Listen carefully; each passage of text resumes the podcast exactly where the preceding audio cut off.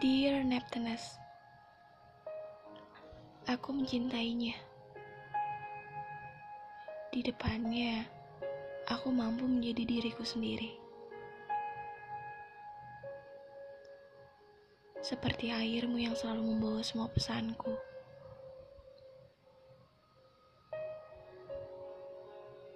Dan dia pun begitu, membuatku hanyut oleh sorot matanya, membuatku lupa oleh kesedihan rasanya. Sampai-sampai aku tak bisa katakan apa pun padanya.